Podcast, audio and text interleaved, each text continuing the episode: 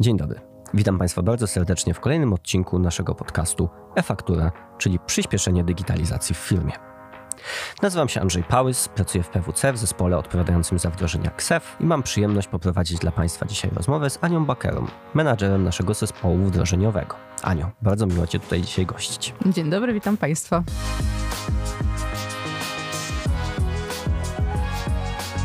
Chciałbym zacząć bardzo, bardzo praktycznie. Dobrze? No dobrze, zaczynajmy. Więc jakie jest Twoje ulubione pole w schemie KSEF? E, fajne pytanie e, na początek. Myślę, że jednym z moich ulubionych pól jest może nie tyle pole, co sekcja dodatkowe informacje. No ponieważ proszę. jest to tak naprawdę sekcja, która pojawia się bardzo często w naszych rekomendacjach dla klientów. Właśnie okay. pod jakieś takie bardzo specyficzne dane. Szczerze mówiąc, spodziewałem się odpowiedzi, nie mam ulubionej części schemy, ale e, bardzo się cieszę jednak, że, e, że jakąś wybrałaś. Czyli jesteś, Andrzeju, zaskoczony. Jestem troszeczkę zaskoczony, to prawda. Aczkolwiek ja sekcje dodatkowe pola też, e, też całkiem lubię. E, ale to pytanie nie jest takie całkowicie pozbawione sensu. Chodzi mi o to, e, że jeżeli wybrałaś właśnie dodatkowe informacje, to pewnie dlatego, że budzi pewne problemy e, dla klientów, prawda? I często o nim rozmawiamy. Może ja bym powiedziała odwrotnie. Klienci mają wyzwania i te wyzwania możemy właśnie zaadresować tą sekcją ponieważ ona mhm. jest nieobowiązkowa, więc w sumie sama w sobie problematyczna nie jest. Okej, okay, czyli pole dodatkowej informacji jest rozwiązaniem, dokładnie a nie problemem. Tak, dokładnie tak. Świetnie. Um, a rozwiązaniem czego? Z jakimi takimi, bo rozumiem, że tu mówimy o jakichś procesowych też czasem wyzwaniach, tak? E, procesowe na pewno, natomiast e, ta sekcja służy przede wszystkim do zaadresowania takich kwestii bardzo specyficznych i raczej biznesowych, czyli kwestii, które nie wynikają stricte z przepisów, tak? Czyli to jakby nie chodzi o te informacje, które są narzucone przepisami ustawy o VAT czy innymi regulacjami. To jest właśnie taka sekcja, którą ja traktuję jako wyjście naprzeciw podatnikom. Proszę bardzo, macie jakieś tam swoje biznesowe kwestie do zaadresowania. Macie tutaj sekcję, dodatkowe informacje, wykorzystajcie ją dla waszych mhm. celów. MF podszedł tutaj bardzo szeroko, prawda? 370 prawie pól, e, dużo z nich nieobowiązkowych mm. i to pole, dodatkowy opis też jest nieobowiązkowe, prawda? Tak, tak. Cała ta sekcja jest nieobowiązkowa. Mm, może wystąpić chyba tysiąc razy z tego, co kojarzę. Rzeczywiście no jest tak. do wykorzystania. No tak. No dobra, no to, to to to jeżeli chodzi o ulubione pole, a w takim razie ulubione wyzwanie procesowe? W kontekście wyzwań procesowych. Sam projekt wdrożeniowy, on dzieli się na kilka etapów. Mamy etap analizy, mamy etap ustalania koncepcji integracji pomiędzy systemem klienta a naszym rozwiązaniem. Mamy etap developmentu, gdzie tutaj pracują programiści, i mamy etap testów akceptacyjnych to tak naprawdę każdy z tych etapów jest właśnie swoistego rodzaju procesem.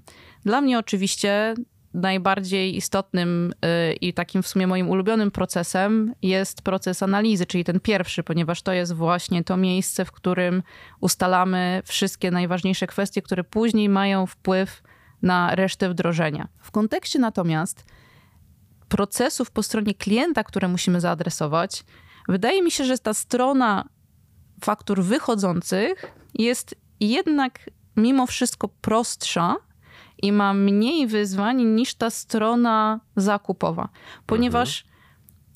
podatnik on wie, jakie faktury wystawia. On wie, jakie tam elementy chciałby umieścić na fakturze i jest w stanie jakoś nad tym zapanować. Natomiast co on dostanie od innych podatników na ten KSEF, no to nad tym kontroli podatnik nie ma. Więc tutaj rzeczywiście okay. na wielu wdrożeniach, które prowadzimy, ta strona zakupowa jest jednak dużo większym wyzwaniem, nad którym się trzeba po prostu zastanowić, bo tutaj na przykład w tym procesie może się okazać, że musimy zaangażować naszych kontrahentów, żeby umówić się z nimi. Słuchajcie, wystawiajcie nam faktury w taki i w taki sposób.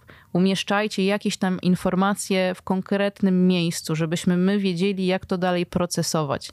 Żebyśmy zidentyfikowali jakieś tam konkretne elementy, to mm, musimy ustawić proces po swojej stronie w jakiś inny sposób niż mhm. do tej mhm. pory. Czyli to brzmi trochę jak taka wręcz detektywistyczna praca. Dostaję jakiś zbiór e, danych i trochę tak właśnie e, jak detektyw muszę przeanalizować procesy, dokumenty, wyłapać e, jakieś, jakieś logiki. Tak faktycznie jest? Można tak powiedzieć rzeczywiście, że jest to taka troszeczkę praca detektywistyczna. E, myślę, że bez dobrej analizy i właśnie bez identyfikacji tych wszystkich elementów, o których teraz powiedziałeś, no niestety projekt wdrożenia może nie zakończyć się dobrze. Ale powiedz, czy to nie jest tak, że osoby zajmujące się tymi procesami po stronie klienta e, to wiedzą, w sensie, że one to tylko mm, trzeba, trzeba wydobyć tą wiedzę. E, czy tam rzeczywiście jest potrzebna aż taka poważna analiza? To nie jest tak, że przychodzicie po prostu, pytacie jak jest i dostajecie tą odpowiedź? W niektórych przypadkach rzeczywiście tak to może wyglądać, mm, bo są spółki, są podatnicy, którzy po swojej stronie zarówno merytorycznie, jak i procesowo są na tyle zorientowani, co się dzieje w ich procesach, mhm. że rzeczywiście wiedzą, jak to zrobić. Natomiast najczęściej klienci, którzy jednak potrzebują większego wsparcia od nas, to są klienci, którzy właśnie na przykład te procesy mają rozbudowane. To są procesy, które są im bardziej narzucone niż które oni sami ustawiają. Mhm. Więc w takiej sytuacji oni tak naprawdę potrzebują mm, te procesy nam dać do tego, żeby je ułożyć poza ich procesami wewnętrznymi. Okej, okay, czyli to nawet nie jest tylko mapowanie, ale też coś więcej, jeszcze takie trochę dostosowanie tych procesów do KSEF-u, no i wtedy rzeczywiście musisz wiedzieć, do czego się dostosowujesz, a ciężko wymagać, żeby wszystkie osoby po stronie klienta e, no, biegle znały wszystkie niuanse KSEF-u, tak? Dokładnie, zresztą to jest też taki drugi argument, o którym teraz sam powiedziałeś, czyli no, czasami lepiej jest po prostu zainwestować w dostawcę, y, w stronę trzecią, która po prostu tym procesem się zajmie, żeby osoby w firmie nie musiały się tym mhm. zajmować, czyli taki typowy outsourcing. No tak, tak, tak. Mm, a powiedz w takim razie, jeżeli, y, jeżeli, przychodzimy, jeżeli przychodzimy do klienta, jeżeli bierzemy te dokumenty, bierzemy tą analizę, y, przeglądamy te procesy wszystkie, to co jest najważniejsze, w sensie na czym tak naprawdę najbardziej musimy się skupić? Co sprawia, że ten, co jest takim, taką różnicą, co różnicuje te nasze podejścia? Co sprawia, że jedna analiza pójdzie płynniej, a inna analiza pójdzie mniej płynnie? Mhm. Tutaj wydaje mi się, że ponieważ jest bardzo istotny czynnik ludzki, to jednak komunikacja jest tutaj podstawą do okay. tego, żeby projekt szedł właśnie płynnie i żebyśmy tak naprawdę doszli do oczekiwanego rezultatu. Bo jeżeli podczas projektu, na etapie właśnie analizy, nie dogadamy się z klientem i nie wyciągniemy od niego wszystkich jego potrzeb i nie będziemy wiedzieli, do jakich, mm, jakie, jakie ten klient ma wymagania, jeżeli źle to później przetłumaczymy i złe wymagania przekażemy programiście w niewłaściwy sposób albo w taki niezrozumiały dla niego, to on zaimplementuje rozwiązanie, które nie będzie zgodne z oczekiwaniem. Czyli ta komunikacja, nie tylko my, klient, klient, my, mm, czy my wewnętrznie pomiędzy sobą, czyli zespół analityczny z zespołem deweloperskim. Wszędzie tam to wyzwanie komunikacyjne jest i możemy się na każdym etapie projektu po prostu nie zrozumieć i w rezultacie stworzyć rozwiązanie, które nie będzie spełniało oczekiwań. Jasne, jasne. Czyli pomimo, że projekt mógłby się wydawać techniczny, to rozumiem, że jednak no, musimy skomunikować e, zebranie tej wiedzy, tak? I potem przekształcić ją w jakiś produkt, to jasne. A pytanie w takim razie, e, co zakładając, że liderem takiego projektu po stronie klienta jest CFO, mhm. albo CTO, dyrektor finansowy, albo dyrektor techniczny, co on może zrobić ze swojej strony, żeby zapewnić mhm. lepiej tą komunikację? Rozumiem, że ty dbasz o to, żeby w twoim zespole e, osoby się komunikowały jak najlepiej, ale czy jest coś, co może zrobić też osoba kierująca projektem ze strony klienta, żeby tą komunikację poprawić? Mhm. Tutaj bardzo się przydają podsumowania i dobrze jest, jeżeli taka osoba, właśnie taki CFO, który, no umówmy się, on nie ma czasu na to, żeby wchodzić w ten projekt w szczegółach. On nie będzie na każdym spotkaniu statusowym. Dobrze jest, jeżeli zarówno po naszej stronie, jak i po stronie klienta jest osoba, która zbiera te wszystkie informacje i tworzy podsumowania, i te podsumowania też później przesyła wyżej, czyli do osób, które właśnie na takim bardzo du dużym poziomie y, ogólności mogą się zorientować, czy na przykład projekt idzie dobrze. Jeżeli tak, to ok, nie muszę w żaden sposób reagować. Natomiast, żeby od razu w tych podsumowaniach były widoczne ryzyka i tak naprawdę, jeżeli te ryzyka się zmaterializują, to jakie będą konsekwencje. Także tak naprawdę wyznaczenie przez CFO takiej osoby, która jednak zajmuje się tym projektem od takiej strony, można powiedzieć, organizacyjnej, to jest jeden, jeden z pomysłów na to, żeby właśnie zaadresować taką potrzebę. Jeszcze jedna rzecz mi przyszła do głowy, jeszcze jedno pytanie w tym wątku o komunikację, bo tam mamy przecież bardzo wiele zespołów, tak? No, mamy zespół nasz oczywiście z naszej strony, ale mamy pewnie zespół techniczny od strony klienta, mamy zespół księgowy, mamy zespół zakupów, mamy zespół może celny. Czy ta specyfika, to wiele, wielu zaangażowanych interesariuszy jakoś wpływa dodatkowo na tą komunikację. Ułatwia ją, a może utrudnia? No cóż, tutaj chyba jednak byłabym e, po tej stronie, że ponieważ są to zespoły z różnych branż, są to, tak jak sam powiedziałeś, zespoły techniczne, są to zespoły merytoryczne, branżowe, podatkowe, księgowe te osoby bardzo często mówią innym językiem. Mhm. Używają skrótów myślowych.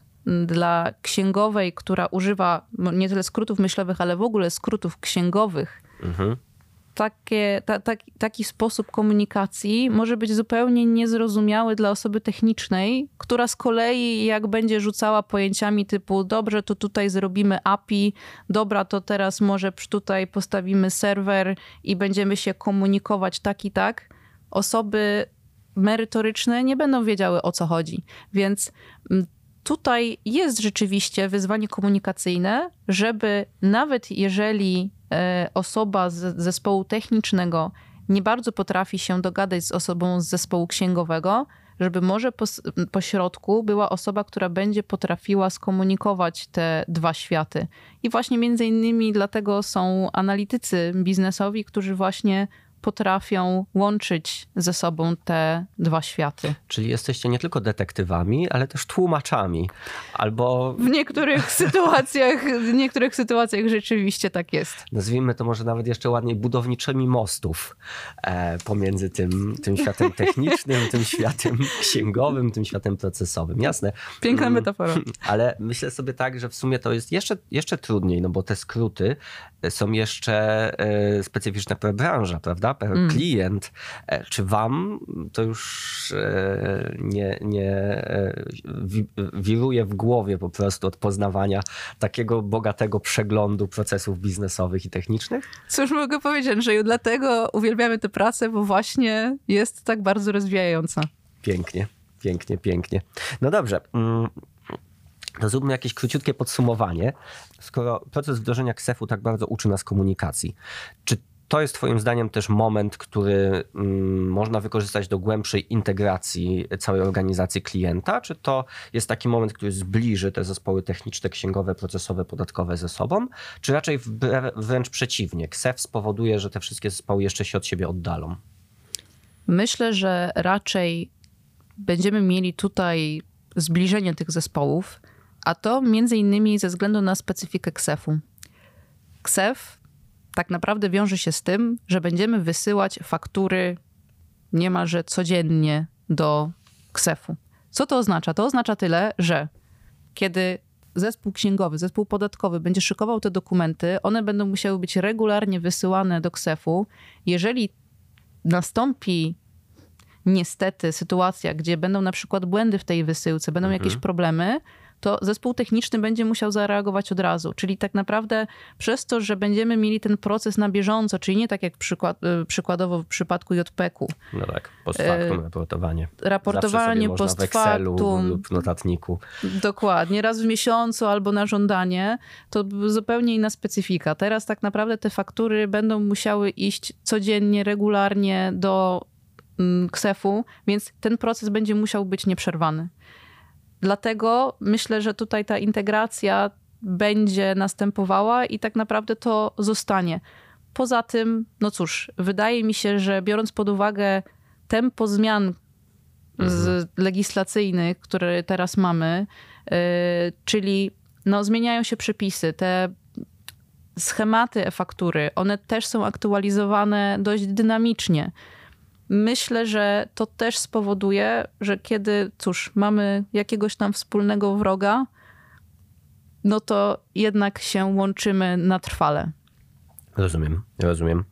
A mm, powiedz w takim razie jeszcze z tych waszych doświadczeń, bo myślę, że te wasze doświadczenia tu są niesamowite z, tych projektów wdrożeniowych. Czasem jak przechodzę koło was, to widzę, jak tam wszyscy ciężko pracujecie, a te pytania i tematy, które przychodzi, przychodzicie skonsultować, no są z kategorii tych najtrudniejszych, ale też najciekawszych.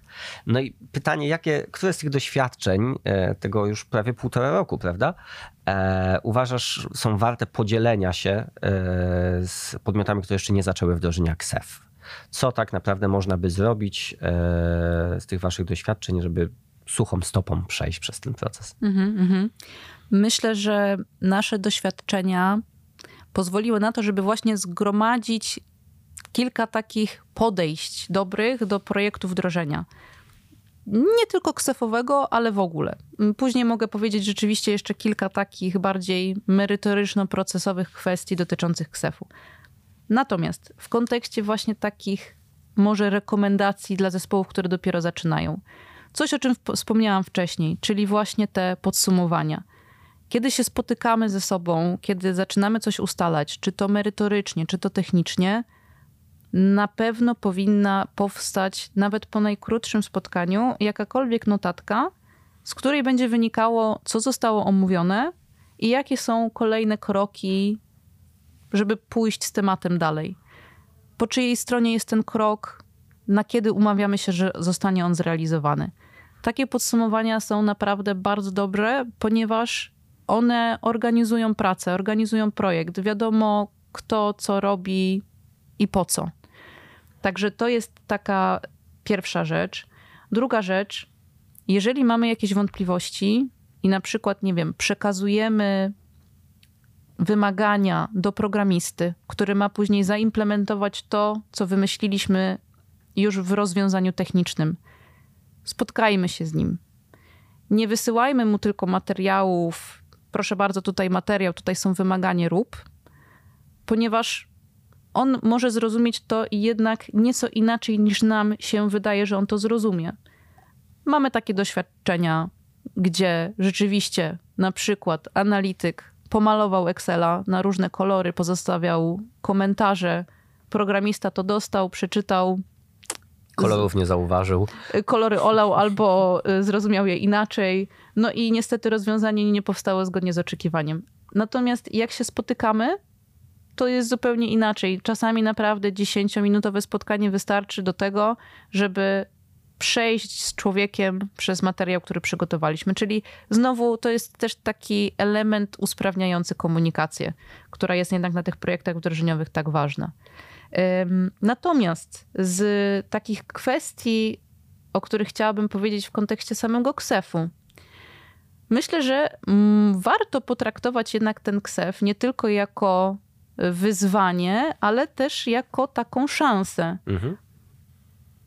Jedna z takich rzeczy, o których ja cały czas myślę, kiedy tylko ten KSEF się pojawił, to jest właśnie między innymi ta strona zakupowa, która sprowadza się do tego, że kiedy będziemy mieli KSEF, to okej, okay, może nie 100% naszych dostawców będzie nam wysyłało faktury w jednym formacie, bo przecież będą podmioty zagraniczne, które z KSEF-u Jasne. korzystać nie będą i będą też podmioty w Polsce, które nie będą wystawiały faktur w KSEF.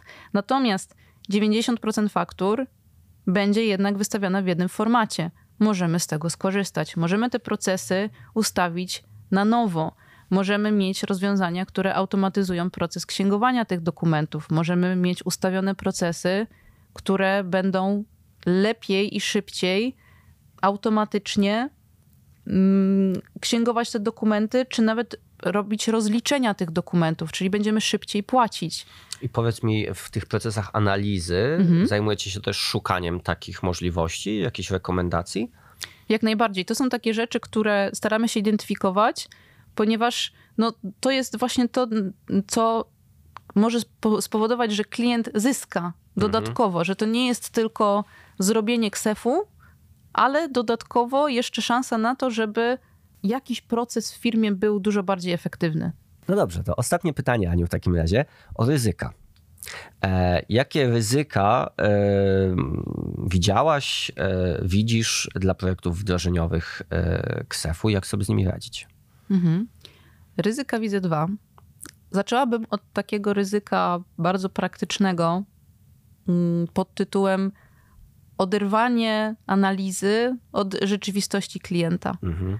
Bywają takie sytuacje, w których człowiek jest tak bardzo skoncentrowany na tym, żeby przekazać to, co jest w e-fakturze, że robi to w zupełnym oderwaniu od specyfiki klienta. Mhm. Czyli przykładowo, klient ma działalność usługową, a analityk opowiada mu o transporcie. Mhm. I wałkuje te pola dotyczące incotermsów yy, i tego, gdzie wysyłany jest towar, mhm. gdzie klienta zupełnie to nie interesuje, ponieważ on świadczy usługi, więc on z transportu w ogóle nie korzysta.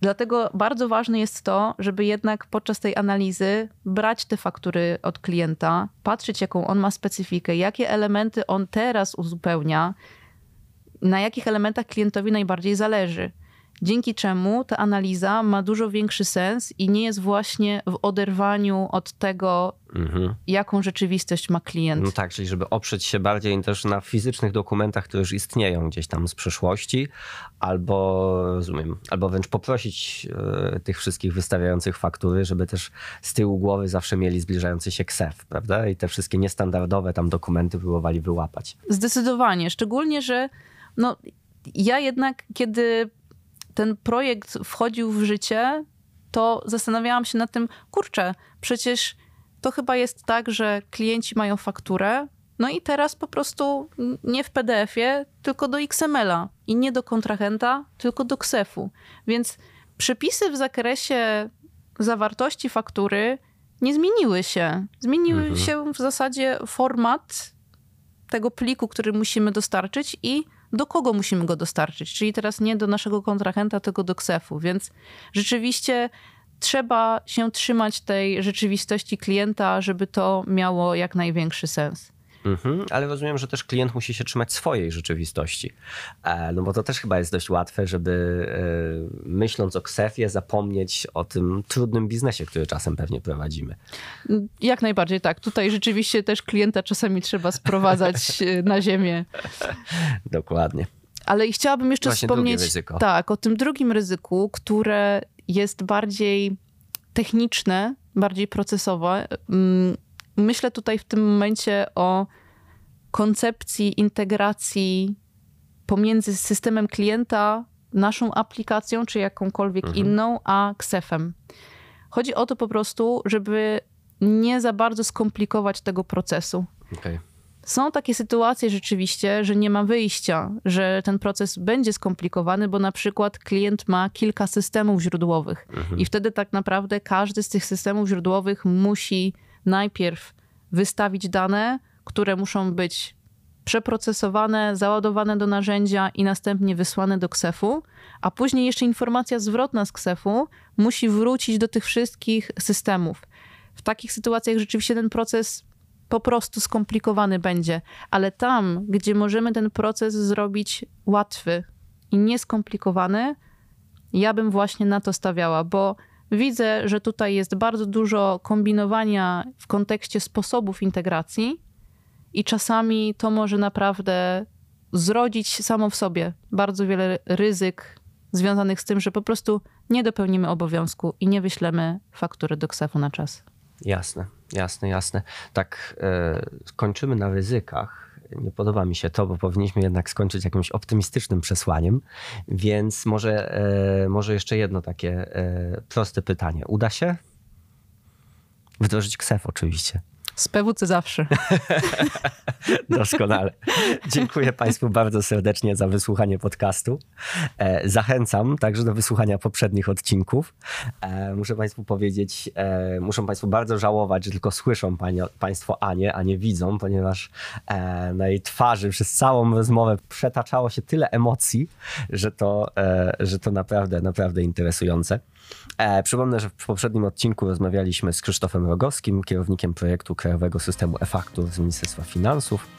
E, w następnym będziemy rozmawiać także z naszymi kolegami e, z zespołów jeszcze bardziej technicznych, e, a zachęcam Państwa do odsłuchiwania wszystkich tych podcastów. Link do nich w opisie odcinka. Dziękuję Aniu bardzo serdecznie. Dziękuję bardzo za uwagę. Do widzenia. Do widzenia.